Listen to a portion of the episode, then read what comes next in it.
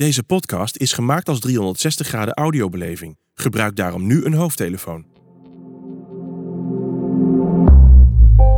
Ken je dat? Je voert een gesprek met iemand en vraagt je af wat er in de ander omgaat. In ieder hoofd speelt zich een wonderlijke wereld af. In de ene persoon kun jij je beter verplaatsen dan in de ander, maar je weet nooit helemaal zeker wat er van binnen gebeurt. In de podcast De Hoofdpersonen krijg je de kans om in het hoofd van een ander te kruipen. En mag je even voelen hoe het is om de hoofdpersoon van dit verhaal te zijn. Deze serie van De Hoofdpersonen gaat over hersenaandoeningen. Elke aflevering laten we je ervaren hoe het is om met een hersenaandoening te leven. In deze aflevering maak je kennis met Claudia. Zij vertelt over haar ervaring met OCD. Daarna hoor je een scène die op haar verhaal geïnspireerd is. Het is belangrijk om te weten dat elke ervaring met OCD anders is, want ieder mens is uniek. Ik ben Claudia, ik ben 42 jaar en ik heb een dwangneurose gehad. Een dwangneurose voelde voor mij altijd gewoon als een stemmetje in mijn hoofd die de hele tijd zei wat ik moest doen. Eigenlijk alsof je jezelf, alsof je een soort marionet bent die wordt bestuurd door iemand anders. Ik had vooral heel erg het idee dat ik het goed moest doen voor iedereen, waarbij ik dan mezelf vergat. En ik deed het dan goed als ik dingen deed volgens regels die ik mezelf had opgelegd. Spanning in mijn lijf die ik eigenlijk pas kon controleren op het moment dat ik als zo'n marionet die handeling aan het uitvoeren was. Zo zou ik het eigenlijk uh, kunnen omschrijven. Iedereen heeft natuurlijk zo'n stemmetje van vandaag ga ik boodschappen doen of wat gaan we vanavond eten. Die gordijnen die had ik echt al heel lang geleden een keer moeten wassen, bijvoorbeeld. Maar dan krijg je dus die signalen de hele tijd. Dus bijvoorbeeld, uh, goh, zou jij dan nu je theezakje er niet een keer uithalen? Of mijn stoel staat niet recht genoeg. Of oh, ik heb de, de zon schijnt nu door het raam, dus ik moet eigenlijk mijn ramen lappen. Oh, maar nu is er iemand op visite bij mij. En wat vindt hij daar dan van? Oh, die ziet vast dat mijn gordijnen niet schoon zijn. Oh, die ziet ook dan nog dat stof op dat raam liggen oh wat erg en wat zou ze nu wel in ieder geval bedenken. En nu ben ik vast een heel slecht mens en als ze weg is, dan moet ik het gelijk oplossen. Oh, en is het nu wel tijd dat ze weggaat? Misschien moet ik dan maar zeggen dat ze weg moet. Maar ja, dat is dan eigenlijk niet zo vriendelijk van me. Dus continu dus die hele tijd al die gedachten achter elkaar gaan dan door je hoofd. Wel, en dan moet ik ook nog met jou een soort van gezellig gesprek voeren. Terwijl ja, dat dan dus bijna onmogelijk is. Het is vooral heel erg vermoeiend, want dat is ook al. Ik was altijd heel erg moe. Want ik had eigenlijk al best wel lang dwang, maar dat wist ik niet. En ik studeerde dus. En dan ging ik altijd naar mijn ouders om bij te slapen. En zij dachten altijd dat ik gewoon heel erg moe was van het feesten. Maar eigenlijk was ik gewoon super moe van de hele dag maar bezig zijn met wat mensen van me dachten en hoe ik dat moest oplossen. Ik had wel heel veel sociale contacten en ik was altijd wel, wilde dat altijd wel goed doen.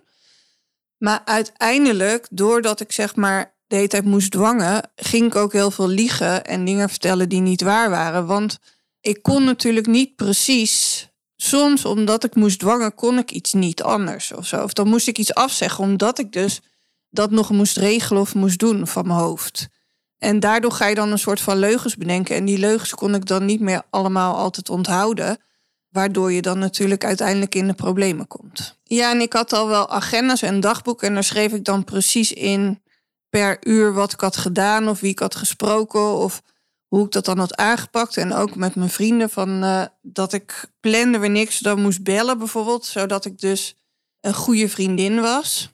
Maar inderdaad, bij elkaar was dat natuurlijk allemaal super vermoeiend. En ik had ook nog heel groot probleem met de tijd. Want ik hou heel erg van lezen, maar dat moest dan altijd om het hele om het, of om het halve uur. En dan moest ik ook nog uitkomen op een bepaald aantal pagina's. Maar dat had ik dus ook als ik met iemand afsprak.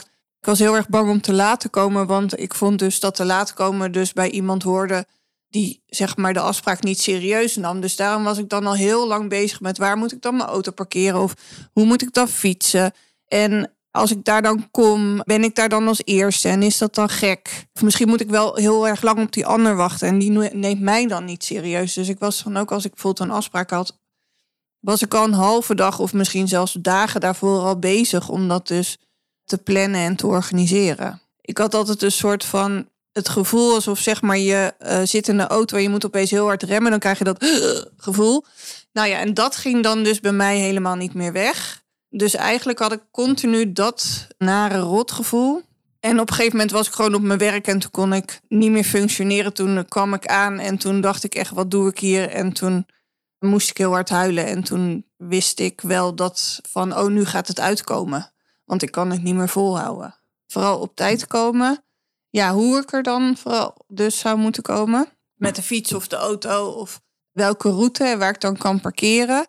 En op het moment dat mijn fiets dan geparkeerd staat, of die wel goed op slot staat, want ik ben ook altijd heel erg bang, ja, nou niet meer maar geweest, dat mijn fiets gestolen zou worden. Dus bijvoorbeeld uh, toen ik in Amsterdam woonde, dan zette ik bijvoorbeeld elk uur de wekker om uit het raam te kijken of mijn fiets er nog stond. Want als je fiets liet stelen, vond ik dus echt heel erg belachelijk. Dat vond ik zelf. Dus daar zou ik dan van tevoren wel een beetje bang voor zijn. Zelf zou ik niet te laat komen, want ik zou dan juist veel te vroeg zijn. Maar wat is dan een acceptabele vroegte om ergens naar binnen te gaan?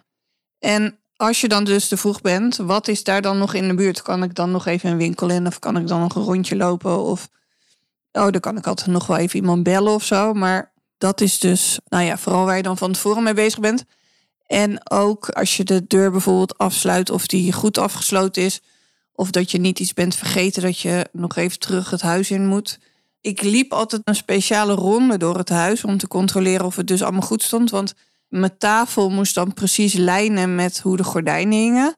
Ik had dus overal een soort van lijnenpatroon bedacht in mijn huis. Hoe ik dan dingen moest neerzetten. Dus als het goed is, had ik dat lijnenpatroon al nagekeken. Wat ik dan wel altijd heel erg bang voor was, dat ik bijvoorbeeld dood zou gaan op de heen of de terugweg. En dat mensen dan dus mijn huis zouden moeten opruimen. Dus voordat ik wegging, gooide ik bijvoorbeeld ook altijd vuilnis weg. En zorgde ik dus dat ik geen enkele wasstuk meer, zeg maar, in mijn wasmachine of in mijn wasmand had. Omdat ik het dus heel naar zou vinden als iemand dus uh, die rotzooi zou moeten opruimen. Van mijn levende ik, zeg maar, van je dagelijks gebruik. Hoe schoon of vies iemand is, was voor mij heel erg belangrijk. Ik zou ook echt nooit mijn jas aan zo'n kapstok hangen waar nog uh, eh, 600 andere jassen hangen. En ook uh, bijvoorbeeld als wij elkaar dus van de week hebben gezien en jij had dan die trui bijvoorbeeld aan en die zou je dan ook s'avonds nog aan hebben, dan zou ik dat wel vies vinden. Of de tafel dus schoon is en de stoel waar je op zit, maar met eten heb ik nooit een probleem gehad. Of als er bijvoorbeeld een ober komt die uh, van die randen om zijn nagels heeft of zo. Dat zou ik dus vies vinden. Of net zoals hier vliegt nu zo'n vliegje voorbij. Nou ja, als hij, dan, als hij daar bij mijn eten zou zitten, uh, zou ik dat wel heel erg vies vinden. Vies hoort natuurlijk meer bij smetvrees. En dat was wel een onderdeel wat ook bij mijn dwang hoorde. Maar niet dat ik mezelf continu aan het schrobben of zo was. Maar ik had dan ook gewoon bepaalde regels. Dat je er gewoon uh, verzorgd uit moest zien. Echte dwangen begint dan pas als dat hele etentje is afgelopen. Als je dan thuis komt en dan denk je ook de tijd... Wat heb ik ook weer gezegd? Ja, dit heb ik gezegd. En klopte dat dan wel? Ook omdat je natuurlijk soms wel eens leugens vertelt. Omdat iemand zegt, waar was je gisteren? En dan denk ik, ja, ik was naar het park. Maar ik was helemaal niet naar het park, want ik was mee aan het poetsen. Maar ja, dat ga ik echt niet tegen iemand vertellen. Dus de hele tijd is het vooral dat je dan bezig bent met wat je hebt verteld. En of je het dus goed hebt verteld. En wat diegene daarvan zou vinden. En hoe kan ik dat dan zien? Van, oh ja, diegene heeft gelachen. Die zei het was gezellig. Ja, maar ja, dat kan ze wel zeggen. Maar is het dan ook echt zo? Dat is vooral, denk ik, waar je continu mee bezig bent. En niet zozeer de omgeving, maar meer dus je gesprekspartner. Wat diegene van je vindt. En wat je dan thuis vooral nog allemaal moet van jezelf. Want ik wou ook nooit later dan weer bijvoorbeeld tien uur. Want ik moest, voordat ik naar bed ging, moest ik nog alle ramen controleren. Moest ik nog dingen rechtzetten. Moest de vaatwasser moest uit zijn geruimd. Nou ja, dat had ik waarschijnlijk al gedaan. Want als ik dood zou zijn gegaan, wilde ik niet dat iemand een volle vaatwasser zou vinden. Maar ik moest nog heel veel dingen daarvoor doen, voordat ik dan eindelijk naar bed kon. Wat ik wel vooral vond, is dat heel veel mensen gewoon een soort van onzin praten. Bijvoorbeeld een gesprek over het weer of zo, dacht ik, ja, wat is dat nou weer voor een stom onderwerp, weet je wel? Waar gaat het hier over? Ik zit dus echt met veel grotere problemen, zo voelde het. Of uh, ja, mijn hond is overleden. Ik kon me dus helemaal niet voorstellen Bijvoorbeeld wat voor dus iemand een mega big issue was, eh, vond ik dus echt allemaal nergens op slaan. En dat werd dan op een gegeven moment ook lastig om daar dan mijn aandacht naartoe te brengen. Want ik vond heel vaak gewoon dat het onzin was. De volgende scène is voor mij heel herkenbaar.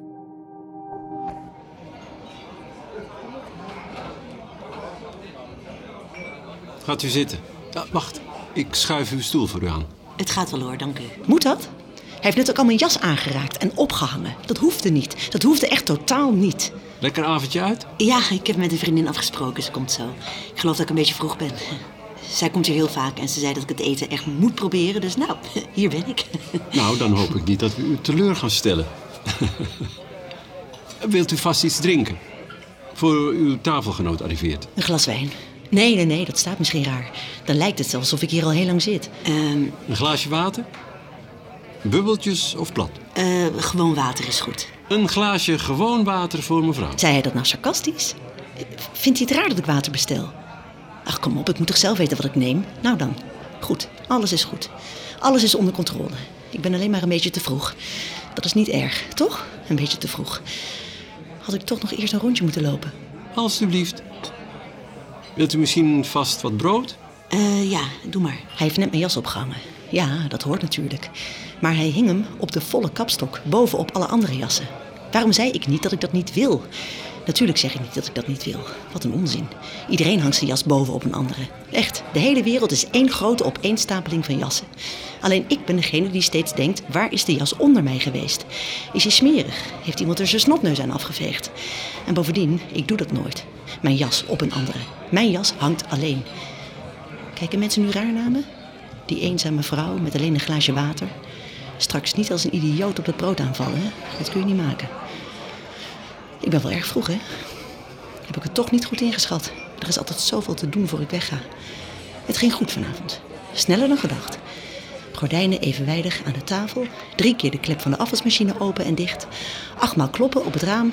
Controleren of alles schoon is en opgeruimd. Mocht ik onderweg doodgaan. Dan kan er geen vuile was in de machine zitten. Voor de mensen die mijn huis opruimen. Zoiets doe je niet. Ik zorg er altijd voor dat alles schoon is. Opgeruimd. Mijn huis opgeruimd. Ik opgeruimd. Fluitje van de cent vandaag. Alles onder controle. Alles is goed. Wat fijn dat je er bent. Want we zitten hier al een tijdje. Zullen we meteen bestellen? Ik heb echt berenhonger, echt. Albert, Wat kan ik voor u doen? de spare ribs zijn echt heel lekker. Hoewel jij houdt meer van vis, toch? Wacht, doen we één keer de vis van de dag en één keer spare ribs. Ja, ja, goed. Eén keer vis en één keer spare ribs. Waarom herhaalt die man alles wat je zegt? Huh? Wat? Ja, geen idee. Maar hoe is het met je? Goed. Echt heel goed, maar druk, druk, druk, hè. Hoewel. Nou ja, ik heb gisteren een heerlijke middag in het park gezeten. Gewoon lekker relaxed liggen onder een boom, wijntje erbij, boekje, weet je. Zalig. Gelooft ze het? Ja, denk het wel. Maar ik kan moeilijk zeggen dat ik gisteren de hele dag mijn huis heb geboomd... omdat ik vingerafdrukken op de tafel had gezien. En bovendien de spullen ernaast niet evenwijdig aan elkaar lagen... waardoor ik het gevoel had dat alles een enorme chaos was... en ik mijn leven totaal niet in de hand had. Nee, dat kan ik maar beter niet zeggen. Maar hoe is het nou met jou? Pff, Ik ben zo klaar met mijn werk. Van Seumeren, je weet wel, mijn baas, die blijft maar moeilijk doen. Alles controleert hij. Als ik twee seconden uit het raam kijk, heb ik alweer een kwaaie blik te pakken. Ach, weet je, ik ben denk ik gewoon niet geschikt voor zo'n kantoor. Het is niet creatief, maar intussen wel heel druk. Echt, gekkenhuis. Jeetje, wat lijkt me dat naar voor je. Misschien moet je toch eens ergens anders solliciteren. Gekkenhuis. Moet ze het bij mij thuis komen?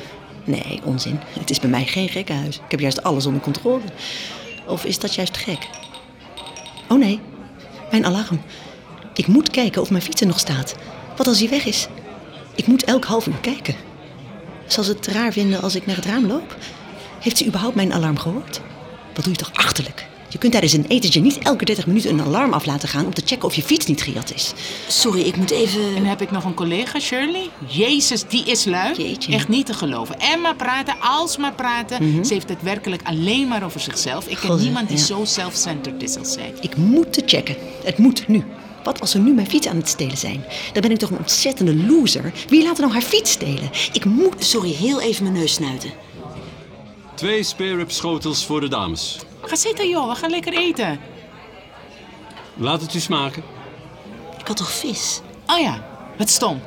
Maar dit is ook heel lekker hoor. Die spare ribs zijn echt to die for. Ja, maar het is toch raar als ik spare ribs krijg terwijl ik vis bestel? Wil je het omruilen? Nee, nee, nee. Hoeft niet. Waarom loopt alles altijd anders dan gedacht? Waarom kun je nergens op vertrouwen? Ik moet dit nu eten. Ik mag niet zeuren. Dan gaat uw opa denken dat ik een vervelende zeikert ben. Maar waarom doet hij niet gewoon wat hij heeft afgesproken? Goed, goed, rustig. Alles is goed. Kom op. En je fiets staat er ook nog. Heus. Eten nu. Gewoon. Doe gewoon. Alles is goed. Ach, lieverd, wil je me even excuseren? Ik moet heel even naar het toilet. Ik help u even, oma. Oh, oh, pardon, pardon. Jemig, kan het nog dichterbij? Hij hing bijna met zijn vingers in mijn eten. Oeh, nou, ja. Opstaan is altijd een dingetje, hè? Sorry hoor, dames. Het is hier ook zo krap. Sinds mijn nieuwe heup gaat alles wat strammer. Ja, ja. Geniet er nog maar van om jong te zijn. Lekker zorgeloos, hè? Heerlijk lijkt me dat. Ja, lekker zorgeloos. Zorgeloos? Nou, oma, wacht. Ik geef u mijn arm en dan trek ik u zo omhoog. Drie, twee, één. Oh, nou was u bijna ongedonderd. Sorry.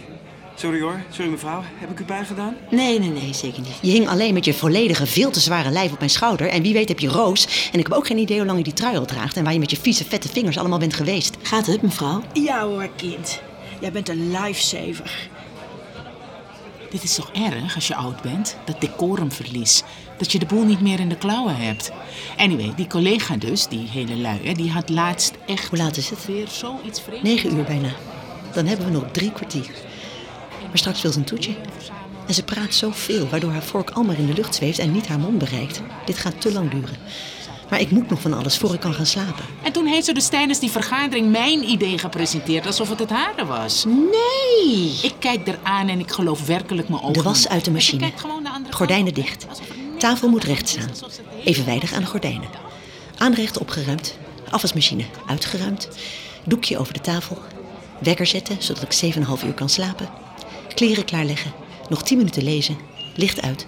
Ogen dicht. En vervolgens zegt die van Seumeren... Goed gedaan, Chantal. Wat een hufter. Ik was wit heet, werkelijk. De was uit de machine, gordijnen dicht, tafel moet recht staan, evenwijdig aan de gordijnen, aanrecht opgeruimd, afwasmachine uitgeruimd, doekje over de tafel, wekker zetten zodat ik 7,5 uur kan slapen, kleren klaarleggen, nog 10 minuten lezen, licht uit, ogen dicht. Dus toen heb ik haar erop aangesproken. En toen... Is het smaakvol? Ja hoor. Heerlijk. Is het smaakvol? Je bedoelt of het gesmaakt heeft. Waarom zeggen de mensen niks meer correct? Dit is een ober in een restaurant. Die mag wel wat meer zijn best doen. Ik doe toch ook mijn best om alles zo goed mogelijk te houden. Is het smaakvol? Gordijnen, die zijn smaakvol. Oh god, de gordijnen. Misschien staat het raam thuis open. Dan wapperen ze naar binnen. Weg evenwijdigheid. Dit kan niet. Het moet evenwijdig, anders gaat alles mis. Ik... Het is te veel. Alles loopt in het honderd. Straks is mijn fiets weg. En die gordijnen. En ik had vis besteld. Vis. En die jongen met zijn vieze tengels op mijn schouders. Ik... Sorry, ik moet echt even naar de wc. Snel. Snel langs het raam. Ik moet alles corrigeren. Fiets checken. Ja, hij staat er nog. Goddank, natuurlijk. Hij staat er nog. Nu rustig naar de toiletten lopen en dan meteen door naar de wasbak. De linker wasbak. Mijn pols onder de koude kraan, maar alleen bij de linker wasbak. De rechter wasbak mag niet, dat weet je. Ik gebruik nooit de rechter wasbak. De was uit de machine, gordijnen dicht, tafel moet recht staan, evenwijdig aan de gordijnen. Aanrecht opgeruimd, afwasmachine uitgeruimd, doekje over de tafel, wekker zetten zodat ik 7,5 uur kan slapen, kleren klaarleggen, nog 10 minuten lezen, licht uit, ogen dicht. Oh god nee, er staat een vrouw bij de linker wasbak. Ga weg, ga weg. Goedenavond. Hallo. Wat moet ik doen? Ze staat uitgebreid haar make-up bij te werken. Eerst eyeliner, maar er ligt ook nog mascara en lippenstift. Poeder, dit gaat veel te lang duren. Ik mag alleen bij de linker wasbak. Alleen bij de linker. Is er iets? Nee hoor. Wat staat u er nou? Wilt u uw handen wassen? Die wasbak is vrij hoor. Maar dat is de rechter, mens. Die kan niet. Ik, eh, nee, ik, ik, ik wacht wel even op u. Hoezo? Waarom zou je dat doen? Omdat ik een marionet ben. Een marionet bestuurd door de stem in mijn hoofd. Alleen als ik de opdrachten van de stem uitvoer, doe ik het goed. En als ik het goed doe, heb ik mijn leven onder controle. Alles in de hand. Maar schiet me op alsjeblieft. Ik moet nog zoveel. U wordt helemaal wit. Ik, eh, nee, nee. Wat? Ik kan u niet verstaan. Gaat u even zitten? Zal ik iemand halen? De was uit de machine, gordijnen dicht, tafel moet recht staan, evenwijdig aan de gordijnen. Aanrecht opgeruimd, afwasmachine uitgeruimd, doekje over de tafel, wekker zetten zodat ik 7,5 uur kan slapen, kleren klaarleggen, nog 10 minuten lezen, licht uit, ogen dicht. Ik ga even iemand halen. Dat hoeft echt niet. U hoeft zich om mij helemaal niet druk te maken. Ik, ik heb alles onder... Nou, nu is die wasbak tenminste vrij. Pols onder de kraan, precies 33 seconden. Juist. Helemaal goed. En het is half tien. Ik haal het nog. Het komt allemaal in orde. Ik kan dit. Ik kan alles doen wat moet voor ik ga slapen. Alles is goed. Ik heb alles onder controle. Alles is goed. De Hoofdpersonen is een podcastserie van Collected Works. Deze serie, waarin hersenaandoeningen centraal staan, is in samenwerking met de Hersenstichting gemaakt en kwam tot stand met financiële steun van de Hersenstichting, Studentenwelzijnfonds en de Grafin van Bieland Stichting. Voor deze aflevering bedanken wij Claudia voor het delen van haar verhaal, scriptschrijver Roos Slikker en acteurs Manoushka Zegelaar-Breveld, Zoe Kroon, Ilse Warringa, Anneke Blok, Lisse Knapen en Ruurte Maaschalk. Wil je meer weten over de totstandkoming van de hoofdpersonen? Kijk dan op dehoofdpersonen.nl.